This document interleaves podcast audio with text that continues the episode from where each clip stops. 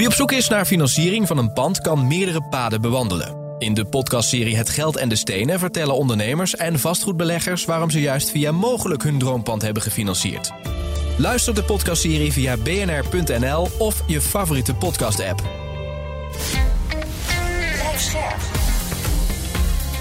BNR Nieuwsradio. Vastgoed gezocht. Maarten Bouwhuis en Maarten de Gruiter. Van een café tot een restaurant, lunchroom of pizzeria, zo ongeveer overal in Nederland vind je panden met een horecabestemming. Het is een vastgoedmarkt die zo zijn eigen dynamiek en spelregels kent. De vraag van deze week: hoe aantrekkelijk is het om te investeren in horeca-vastgoed? Dit is Vastgoed Gezocht, jouw wekelijkse update over de wereld van de stenen. Je hoort ons natuurlijk elke maandagavond op BNR en altijd online via de app of bnr.nl. Maarten de Gruiter is er uiteraard weer bij. Dag Maarten, hoe is het? Dag Maarten, ja, hartstikke goed. Hoe is het met jou? Uh, ja, best wel goed. Best wel goed. Laten we het nieuws doornemen. Um, orders, heiwerk, zakken in door stagnatie in de woningbouw. Lezen we in het FD. Uh, wat is er aan de hand? Nou ja, um, we zeggen natuurlijk wel eens hier in dit programma dat uh, architecten natuurlijk een voorbode zijn van wat er gaat gebeuren. Nou, die zien natuurlijk opdrachten teruglopen. En ja, de heibedrijven zitten eigenlijk weer helemaal vooraan in die bouwcyclus. dus die, ja, die, merken het, die merken het heel goed. En die zeggen heibedrijven, dat die zien dus de omzetdaling in werk uh, voor nieuwbouwwoningen. En um, ja, dat is natuurlijk een, uh, weer een teken aan de wand dat het minder gaat lopen. Ik denk wel als ontwikkelaar, denk ik dan wel ook een beetje, zit ik toch een klein beetje te hopen van, ja, zou dat ook betekenen dat de bouwkosten wat omlaag zullen gaan? Hè? Dat, dat hoop je, want als je het artikel leest in het FD, dan, um, ja, dan, dan, dan zie je dus al dat dat uh, fors gaat teruglopen. Getallen die erbij horen zijn 10 tot 15 procent. En, en uh, de onderzoeker noemt dat dan substantieel. En jij zegt dat betekent dat er een concurrerende markt kan komen. Dan kan ik misschien het heiwerk bij, een ontwikkeling goedkoper inkopen. Precies, ja, wij zien nu al wel eens op de. Hè, wij zien nog steeds niet dat de bouwkosten teruglopen. Al spreken we vaak aannemers die zeggen: Nou ja, dat orderboek loopt toch langzaam leeg en er gaat minder gebeuren. Maar dat zien we nog niet. Wat we wel zien is dat je, als je het uitzet bij een aantal aannemers, dat de dat er al veel verschillen in prijzen zijn. En dat vind ik ook wel weer een teken dat er wat aan het veranderen is. Ja, uh, maar ook lezen we in jouw lijfblad, het, uh, de Telegraaf... de woningmarkt klimt verder uit de dal. Krijgen we hier een positief nieuwsbericht na een jaar? Ja, dat is ongelooflijk. Ja, dat, dus die klimt verder uit het dal. Dat is wel een beetje vertekend. Want het, uh, de, het is minder aan het dalen. Oh, het is een beetje een positieve kop. Het is een hele positieve kop, maar dat, dat vind ik ook. Dat, hè, een mooie telegraafkop, daar hou ik wel van. Is of heel positief of heel negatief. Maar dus je moet bij de Telegraaf wel verder lezen, want anders weet je toch niet echt hoe het zit. Um, en um, nou ja, wat blijkt dus het aantal, zeker in Amsterdam, dat het uh, fors uh, minder aan het dalen is. Dus dat betekent wel een veranderende markt. Ja, in het eerste kwartaal van dit jaar zijn er 230.000 huizen verkocht. Dat zijn nog altijd minder dan in dezelfde periode vorig jaar, toen er 310.000 woningen werden uh, verkocht, althans geregistreerd om van eigenaar te wisselen. Ja. Maar de daling van het aantal woningen dat van eigenaar verwisselt, is aan het afnemen. Is aan het afnemen. Ja. Dat, is, dat, is goed, dat is goed nieuws. Um, wat je wel ziet, is dat door de hogere kosten, is dat ja, um, uh, je meer van je netto maandsalaris kwijt bent aan je woonlasten. Um, door die hogere uh, hypotheeklasten. En dat, um, ja, dat gaat nu naar bijna een kwart, 23,2 procent. En dat was 15 procent. Maar um, ja, ik was. Uh, en dat komt natuurlijk gewoon door de rentestijging. Dat komt gewoon door de rentestijgingen. Ja. Ja. En uh, ik was. Uh, ja, en de, de, de totale woonlasten natuurlijk. Maar ik was vorige week in Londen en. Uh, daar, um, daar hoorde ik um, dat het bijna, daar ben je, is, ben je gemiddeld 50% van je inkomen kwijt aan woonlasten. Dus ja, het is ook gewoon een beetje, um, kijk, op het moment dat er, geen, dat er niet meer aanbod bij komt en je toch een stap wil maken, ja, dan zul je toch meer moeten gaan betalen. Ja, historisch gezien kunnen we nog wat leiden, want mijn ouders gingen geloof ik 41% betalen toen ze in 81 een huis kochten. Dus, ja, ja. ja, en in Europees gezien vinden we, vinden we in Europa dat 40% eigenlijk het uh, maximum zou moeten zijn. Vastgoed gezocht. Geld lenen voor een horecapand. Steeds meer banken doen uh, bij zo'n aanvraag al snel de deur dicht. En dus moeten ondernemers op zoek naar alternatieven. We duiken deze aflevering in het horeca vastgoed. En dat doen we met uh, Koert van der Weert. Hij is van AW Horeca Adviesgroep. Uh, Koert, van harte welkom. Dankjewel. Uh, even meneer zetten. Jullie opereren als makelaar, taxateur, adviseur in dus die horecabranche. Waarin wijkt horeca vastgoed dan af ten opzichte van andere domeinen in het vastgoed? Zoals we hier elke week bespreken. Horeca is een heel, heel specifieke uh, branche eigenlijk binnen, binnen het vastgoed. Um, wat wij altijd zeggen is, horeca, een horecaobject is exploitatiegebonden vastgoed. Dat betekent dat je de, het vastgoed eigenlijk nooit los kunt zien van de onderneming die je in zo'n pand kunt exploiteren. Maar dat geldt toch ook voor retail? Ja, maar eh, als je een horecapand, als dat eh, gebouwd wordt, dan wordt het gebouwd als restaurant, als hotel, als pizzeria. Ook specifiek ingericht qua eh, routing, looplijnen. Er zit een keuken in, er zit een specifieke afzuiging in. Dus het is heel specifiek vastgoed. En als een pand, een horecapand op de markt komt, kun je niet zeggen van nou gooi de horecabedrijf eruit. We doen er even een winkel. Nee, in. dus je bent altijd op zoek naar een, een nieuwe eh, exploitant van een horecaonderneming. Je zoekt En als je dan een pizza over hebt staan, dan moet je zelfs op zoek naar een nieuwe pizzeria. Dat, dat is de vraag. Ehm, het gaat om het bestemmingsplan en wat kun je exploiteren in een bepaald pand. Hè? Is het een restaurant of mag je er ook een café in beginnen? Of eh, kan er een hotel in? Je zoekt wel altijd naar een horecaondernemer die dat horecabedrijf gaat overnemen. Oké, en wat bepaalt dan de waarde van zo'n pand? De waarde van het pand wordt bepaald door eh, de huur die een eh, bepaald horecabedrijf, een bepaald concept kan opbrengen. Als je kijkt naar, naar een cafébedrijf, ergens in de binnenstad, hier van Amsterdam of, of waar dan ook, dan zit je op huurwaardes die liggen zo rond de 6% van de omzet. Heb je een, heb je een ehm, hotel, dan kan die huurwaarde oplopen tot 20, 25% van de omzet. Die huurwaarde die is bepalend voor ehm, de waarde van zo'n horecabedrijf. Maar dat is toch apart? Want stel je hebt een klein horecazaakje van, nou weet ik veel, 100, 150 vierkante meter. Dan kun je daar twee dingen in doen. Je kunt een zaak beginnen waarbij je ochtends om 7 uur al open bent voor coffee to go. Tot en met eten in de avond. Waardoor je eigenlijk veel meer omzet kunt genereren. En dan zeg je, dan moet je dus meer huur eh, kunnen betalen. En dus is de waarde van het pand hoger. Maar ik kan er ook voor kiezen, een soort luie horeca noem ik dat, om een lunchroom te beginnen. Want ik wil werken van 9 tot 5. Dus ik ga om 8 uur open en ik ga om 5 uur dicht. Dus ik doe geen avondhoreca, waardoor het eigenlijk veel minder makkelijk te exploiteren wordt. Je moet kijken naar als je een bepaald object hebt, wat is het meest optimale concept? We gaan niet kijken, als wij een waardebepaling moeten doen van een horecaobject, kijken we niet van wat doet de huidige ondernemer, maar we kijken naar wat kun je op deze locatie voor concept exploiteren, wat gewoon het beste aansluit bij deze markt, bij deze concurrerende omgeving. Maar wanneer wordt dan de huurprijs bepaald? De huurprijs wordt bepaald door de vastgoedeigenaar. Die zegt ik wil gewoon eh, deze prijs hebben en dus kan er alleen een hotel in. Of dus kan er alleen een chic restaurant in. Hoe gaat dat dan? Nou, eh, het is inderdaad waar dat de vastgoed-eigenaar die bepaalt de huur. Alleen als die huur niet aansluit op de exploitatiemogelijkheden, dan verhuur je dat pand niet. Nou, je ziet natuurlijk wel best wel vaak dat eh, eh, eh, het zijn eh, best wel. Ik, ik vind horecaondernemers kunnen best wel opportunistisch zijn. Hè? Eh, positieve, eh, optimistische, opportunistische mensen vaak. En eh, daarom zie je natuurlijk ook wel heel veel wisselingen bij in horecapanden. En dat is natuurlijk toch denken, nou dat kan hier makkelijk lopen. Maar je bent natuurlijk als eigenaar zit je dan natuurlijk wel met iedere keer weer wisselende. Dus je wil dat natuurlijk wel een beetje sturen en dat er iets in komt wat, wat ook levensvatbaar is, lijkt me.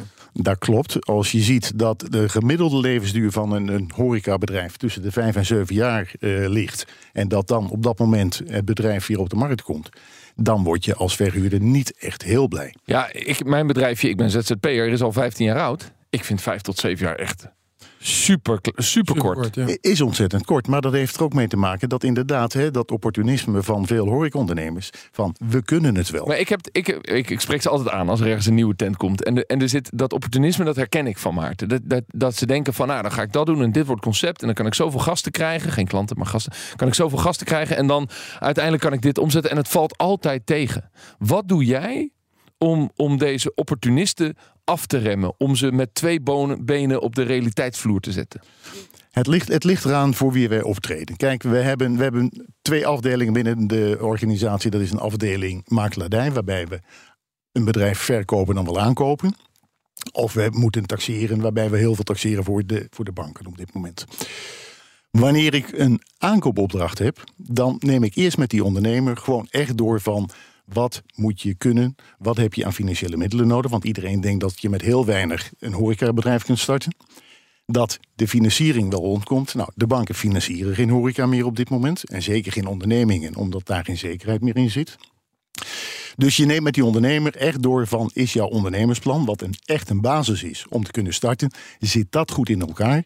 En kun je op basis van dat ondernemersplan rendabel exploiteren? Ja, maar dan, dan, gaat het over een, dan gaat het over een pand waar jij, en dat kun je natuurlijk gewoon zien in de boeken, eh, eh, de afgelopen tien jaar al drie wisselingen hebt gezien.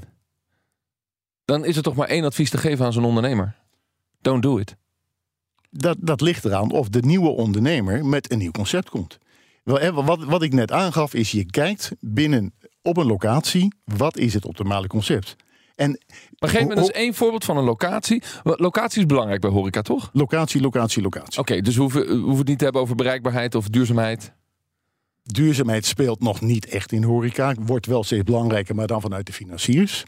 Maar locatie bepaalt wat het concept is. Locatie, Wat- locatie, locatie. Noem me eens één voorbeeld van een locatie waarvan je zegt... nou, daar heb ik heel veel wisselingen gezien en het lukte steeds niet. En toen kwam er een ondernemer en die vond het ei van Columbus. Jaren geleden hadden wij een eh, pand in de verhuur op, eh, hier in het centrum van Amsterdam. Daar hadden allerlei restaurantjes in gezeten. Allerlei typische Ja, Heel Amsterdam. veel luisteraars kennen Amsterdam. Waar was het? Ja, Leliegracht. Leliegracht. Oh, Oké, op de gracht. Ja. Nou, ty- typische Amsterdam. En dit is echt jaren geleden, maar typische Amsterdamse restaurantjes gericht op de toeristische markt, waar er weet ik hoeveel van zijn. Daar kwam op een gegeven moment kwam daar een ondernemer, een Fransman. En die zegt: op deze locatie, in dit pand, heeft dermate veel sfeer. Ik begin een sterrenrestaurant. En dat was in de tijd dat een Michelinster nog heel bijzonder was. Die jongen die startte daar, één groot succes geworden. Omdat hij daar het juiste concept in die entourage met die sfeer neer kon zetten. En dat bedrijf heeft gewoon geweldig gelopen. Eh, Maarten, jij verhuurt en beheert ook een aantal uh, horecapanden. eh, waaronder flink een aantal van Heineken. Ja. Ehm, wat is jouw ervaring eigenlijk als, eh, als eigenaar van horecapanden? Nou ja, ik ben zelf eigenaar van een aantal horecapanden, maar we hebben inderdaad, eh, zijn wij partner in een bedrijf, dat eh, QB Management. En dat, eh, die, die doen onder- andere het management van alle horeca, of alle Heineken cafés. Ehm, ja, dat is al meteen een lastige vergelijking. Omdat Heineken natuurlijk van, eh, van oudsher wel weet waar ze moeten zitten voor de, voor de locatie, locatie, locatie. eh, Ja. Maar wat is van jou dan een voorwaarde om in te stappen? Dus je krijgt een aanbod en je zegt, nou, ik kan Ja, hier dus dit voor mijzelf, kopen. dus, dus als, als investeerder, eigenlijk alleen maar als een, ehm, een bierbrouwer de huurder is. En die, en die verhuurt dan vervolgens weer zelf aan een, aan een exploitant. Oh, dat is dan de constructie. Ja, dat is dus de jij, jij koopt het, jij wordt eigenaar. Ja. En jij krijgt dus je huurpenningen van Heineken. Ja. En, en zij zoeken een ondernemer, of ze hebben een ondernemer, Heineken. Precies, en nou zit er in dat zo'n contract meestal wel, eh, zeg, als, als Heineken weer te veel zelf leegstand krijgt, zitten de contracten meestal wel zo in elkaar dat zij er wel weer van af kunnen. Maar de, de, de, de reden dat Heineken ergens wil zitten, of, of, of eh, Jupiler, of, of Bavaria, of wie dan ook. Ja, dat is eigenlijk al wel een, een, een, een, eh, weet je, een, een, een, bewijs dat het een, een, een goede locatie is. Ja, dus als je een locatie hebt waarvan een bierbrouwer al zegt, nou, daar gaan we niet Deze- in investeren. Nou ja, precies. Dan moet je al wel een beetje nadenken van ja, is dit wat je echt zou willen? En kijk, eh, wat je ziet is denk ik dat het ook best wel veel eh, ehm, horeca-beleggers het ook, ook doen. Omdat ze, ja, beleggen in een café is natuurlijk gewoon heel erg leuk. Het zit iets romantisch in. Het is iets heel erg dat je een romantisch. biertje in. kunt drinken in je eigen café. Precies, ja. En dan wijs je naar vrienden. Kijk, dat is mijn café. Nou, en dat vinden gewoon mensen toch heel erg leuk. Iets, hoor je dat vaker, Koert? Dat, Ja. dat die beleggers zeggen van... eh, er moet een grote bierbrouwer bij betrokken zijn... want dat geeft mij een bepaalde credibility eigenlijk. Ja, dat klopt. Eh, Kijk, in het verleden, iedere brouwerij die had een behoorlijke portefeuille aan vastgoed. Een gegeven moment zeiden de brouwerijen, we gaan terug naar onze kerntaken. Dat is het brouwen van bier en het verkopen van bier. Alleen, daar hebben we verkooppunten voor, eh, voor nodig. Dus toen zag je inderdaad hè, dat die brouwerij... en Heineken mocht op een gegeven moment geen contracten meer eh, sluiten voor vijf jaar. Geen binding meer op een bedrijf zetten. Dus wat zeiden de brouwerijen, en niet alleen Heineken, maar ook Grols deed dat. Wij gaan panden inhuren van ondernemers en we verhuren het door met een onderhuurconstructie. Voor de belegger natuurlijk een ideale situatie. Je ziet wel dat het rendement hè, bij, eh, als een brouwerij inhuurt toch wat lager is dan wanneer je risicodragend aan een zelfstandig ondernemer verhuurt. Het rendement omdat je nou eenmaal vier kwijt bent aan Heineken. Nou, om, omdat je gewoon een stuk zekerheid hebt. Hè, wat, dat die brouwerij, dat gaat wel goed. Die betaalt zijn huur wel. Ja. Dus je kunt met een wat lagere risicofactor, kun je, eh, daar Ja. kun je mee rekenen. Is er, is er eigenlijk nog bieremotie bij horeca-ondernemers? Dat ze, dat ze Heineken niet lekker vinden en Ja. dat ze liever Grols willen... maar dat het nou eenmaal een Heineken-pand is... en dat ze dan toch overstag moeten? Nou ja, kijk, als het, als het een eh Heineken-pand is en er komt een ondernemer die wil de exploitatie overnemen, maar die wil overstappen naar Gold, dan kan dat niet. Vaak zie je dat dan die ondernemer wel overstapt hè, en gewoon met Heineken verder gaat, omdat de cliëntelen van zo'n, hè, de gasten van zo'n bedrijf aan dat Heineken-merk eh, gewend zijn. En is dat niet ook een erg subjectieve emotie van zo'n horeca-ondernemer? Want als je hem blind laat proeven, gaat hij het er toch niet uithalen. Nee, maar, Maar nou, kijk, je moet het zo zien dat als jij als horecaondernemer in Amsterdam een, een pand huurt van Bavaria of als horecaondernemer in Eindhoven een pand van Heineken huurt, ja, dat is wel een dingetje. Want in Amsterdam willen ze Heineken en in, in Eindhoven willen ze Bavaria drinken. Dus eh, ik kan me best voorstellen dat een horecaondernemer, dat gaat ze niet eens zozeer om wat is de smaak van de horecaondernemer, maar wat is, wat is de lokale eh, voorkeur. Ja, wat is het lokale bier in Nee, Twente? maar dat- klopt, hè, want- Ja. Kijk je bijvoorbeeld in de Achterhoek en in, in Twente, daar is het Ja. Gols. En Ja. daar zijn de beugels, hè, de beugelflessen van Gols, zijn gewoon heel belangrijk voor die gasten. Is ook gewoon erg lekker. Horeca vastgoed. Daarover gaat het in eh, deze aflevering van Vastgoed Gezocht. Ja, we hoorden het Maarten net al zeggen over die panden van Heineken. Sinds twee jaar is het beheer daarvan dus in handen van QB, waar Maarten het over had. John van Schagen sprak met de directeur, Rutger van Ewijk. QB Management is eigenlijk gespecialiseerd in het eh, asset management van commercieel vastgoed. En dat doet het bedrijf dus ook voor horecapanden. QB heeft er inmiddels ongeveer 700 in beheer. Het begint eh, met een stukje strategisch advies en het optimaliseren van de portefeuille. Maar we zijn eh, vooral heel druk met het optimaliseren van de verhuur. Eh, dat kan zijn het, verhuren van leegstaande panden, maar ook wisselingen van huurders. Hè, middels in de plaatsstellingen. Als een, als een horecaonderneming wordt verkocht aan een andere exploitant, dan moet er vaak op het, met het huurovereenkomst moet overgezet worden. Eh, verlengingen, huurprijsverhogingen of verlagingen, eh, aanhuur van nieuwe locaties. Eh, we zoeken naar ontwikkelingen, nieuwe gebieden waar horecaplekken kunnen ontstaan. We doen aankoop, verkoop van panden, opleveringen en tot slot ook het technisch beheer en onderhoud. Voor horecapanden met een volledig ingericht interieur vinden ze over het algemeen snel een nieuwe huurder. Gaat het echter om een cascopand, dan duurt het gemiddeld net iets langer. Ondernemers hikken dan namelijk tegen de hoge bouwkosten aan. De taal spreken van de vastgoedeigenaar en de ondernemer, dat is volgens Van Ewijk een belangrijke voorwaarde bij dit werk. Die horecaondernemers die kunnen heel divers zijn. Hè. Dat kunnen grote ketens zijn. Maar ook vaak eh, kleine ondernemers die een eenmanszaak runnen. En eh, kunnen praten met beide partijen is denk ik eh, heel erg van belang. Ja, met name bij het verhuren probeer zo goed mogelijk in te schatten of, of iemand een goede ondernemer is en in staat, om een goede, in staat is om een goede omzet eh, te draaien. Want dat is uiteraard ook eh, nodig om de huur te kunnen voldoen. Rutger van Ewijk was dat van eh, QB. We praten verder met eh, Koert van der Weert van eh, AW Horeca Adviesgroep. Eh, eens even inzoomen eh, op de groep die horeca aankoopt. We hebben de horeca uitbater, hè, die zijn pand wil eh, overnemen. De private belegger of de grote eh, belegger. Hoe zou jij op dit moment de markt eh, omschrijven, Koert? We zitten op dit moment in, in een vrij moeilijke markt. Eh, de horeca heeft het natuurlijk eh, twee coronajaren heel, eh, heel slecht gehad. Eh, bedrijven zijn veel dicht geweest. Liquiditeit is sterk gedaald. Ehm, bedragen of leningen moeten terugbetaald gaan, gaan worden. Dus de horeca begint in de problemen te komen. Ja, Eh, dan, dan, hè, van, vanaf juni moet de belasting eh, die gaat eh, in, op, opeisen. Dus die moeten, eh, er moet terugbetaald gaan worden. Het geld is er niet. Je ziet dat van ongeveer 60, 70.000 ondernemers die nog niets terugbetaald hebben, een groot gedeelte horecaondernemers zijn. Daar komt bij dat de horeca op dit moment aanloopt tegen een aantal andere problemen. Dat is de stijgende inkoopkosten, hoge energielasten, eh, personeel wat moeilijk te krijgen is.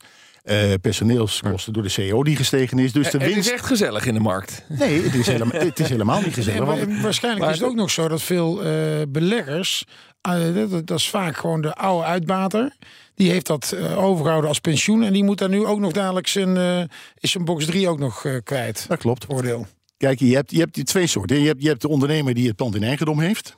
Veel familiebedrijven die het jarenlang goed hebben gedaan, omdat het pand zaten geen lasten meer op, kon, Nee. kon prima doorgaan.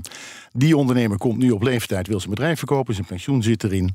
En dan zie je dat dat bedrijf niet meer te verkopen is. Nee, en hij dacht altijd dat het heel veel waard was. Een horecapand als belegging, rendeert dat nog? Hoe groot zijn de risico's op leegstand? Nou, het ligt weer aan het bedrijfstype. Kijk, als je zegt van ik ehm, kan een eh, hotel kopen. Dan doe je denk ik een goede investering. Rendement, of tenminste huurwaardes van, van 20% van, van de omzet. Bij een stijgende markt. Hè, eh, oplopende bezettingspercentages weer, oplopende prijzen. Prima. Een café of een restaurant, zeg ik op dit moment van nou, dat is niet echt makkelijk. Nee, we En- lezen ook in de Telegraaf, maar het aantal faillissementen verder omhoog. Vooral meer horecazaken dicht. Ja, dat is de, sterker nog, de- het, het hoogste aantal faillissementen op dit moment is in de horeca. Ja, en dat heeft voor de vastgoedbelegger natuurlijk implicaties. Ja, zeker. En dan moet je, kijk, we hadden toen straks al even over het voordeel als, als er een, eh, als een brouwer bijvoorbeeld eh, huurder is. Kijk, als dat niet zo is, dan is je rendement misschien wel hoger. Maar ja, eh, een nieuwe, als je het twee, drie maanden eh, leegstand hebt, ja, dan is het hele rendement natuurlijk al helemaal, eh, al helemaal weg. Dus je kunt als vastgoedbelegger beter kiezen dan voor die veilige weg. Ja, ik, ja maar dat is, dat, is, het- dat is de type belegger. Kijk, ik ga liever voor meer zekerheid. Ik slaap liever goed Ja. s'nachts. Dan eh, dat je wat hoger rendement hebt, of veel hoger rendement, maar met heel veel eh, risico's. Ja, we hadden erbij moeten zeggen dat dit programma officieel geen advies mag geven. we geen, we hebben geen diploma's voor. Nee, maar kijk, je, je ziet wel, hè, die ondernemer die ik net noemde, dat familiebedrijf, die zijn bedrijf eigenlijk als geheel niet meer kan verkopen, die is bijna genoodzaakt om dat pand te gaan verhuren. Ja, ja. Onderneming te verkopen. Dan kan die best wel wel wat rendement maken. En het voordeel van een horecapand, als, hè, als je dat als belegging hebt, er is heel weinig leegstand. ja, maar nu is het de nou- lastigheid. Dat pand is al 30 jaar verouderd. Hij gaat het verhuren. Komt een nieuwe horeca-uitbater in. Alle oude rommel eruit. En er wordt een ton eh, aan, aan nieuw mooi interieur eh, ingeslegd. Daar moet die nieuwe ondernemer wat voor lenen. Dat lukt niet. Hoe komt hij dan toch aan zijn geld? Dat- Want de bank gaat het niet lenen. De bank leent het niet, dus je ziet op dit moment dat crowdfunding gewoon heel belangrijk is geworden in de horeca. Daar, daar Vrienden en familie. Vrienden, familie, maar, maar ook gewoon eh, iedereen die met crowdfunding zegt van ik leg 500 of 1000 of 5000 euro in. Hoe, zo- hoe zorg je in de branche, want dat is eh, eh, eh, misschien van oudsher wat anders. Hoe zorg je dat er in de branche dat er geen foutgeld in komt die eh, horeca financiert? Wij komen het gewoon niet tegen. Eh, Nee? Nee, nee. Kan Maar- toch bijna niet? Ja, maar het zal, zonder weer zal het gebeuren. Wij komen het niet tegen. En, en tegenwoordig met de huidige regelgeving, je bent er ook alert op. Je moet melden hè, als het zou gebeuren, als je constateert. Ik heb nog niet één melding gedaan. En ik zit nu. Nooit ergens een suikeroom die zegt: Ik heb 30.000 euro cash, dat wil ik wel investeren in je inrichting. Ja, dat kan gebeuren, maar dat is geen fout geld. Als hij dat middels een. Nou, als een- 30.000 hij dat middels een wordt gedaan, act- dan moet je in ieder geval melding maken. Dan moet je, ja, oké. En dan als er een akte van lening onder ligt, prima, niks aan de hand. Andere constructies, maar dat kan ook te maken hebben met het type bedrijven wat wij doen. Ik kom ze niet tegen. Koert van der Weert van eh, AW Horeca Adviesgroep. eh, dankjewel voor dit gesprek. En laten we hopen inderdaad dat er eh, nou ja, niet al te veel fout geld door de horecasector heen stroomt. Dankjewel. Dit was vastgoed gezocht. Eh, wij gaan deze week richting de Provada, waar we natuurlijk een uitzending opnemen van dit programma. We hopen elkaar daar te ontmoeten met onze gasten Victor van Bommel en Cor van Zadelhof. Eh, Maarten, vuurwerk dus op de Provada. Nou, dat denk ik wel. Ik denk ook voor Victor van Bommel. We hebben, eh, moet je toch even weer mijn lijfblad de Telegraaf lezen. Van donderdag. Daarin schrijft Victor een groot opiniestuk over de vastgelopen Dat dus op de Provada. Ik hoop je daar te ontmoeten. Voor nu bedankt voor het luisteren. Dag. Vastgoed gezocht wordt gesponsord door Mogelijk. Mogelijk. Vastgoedfinanciering voor ondernemend Nederland.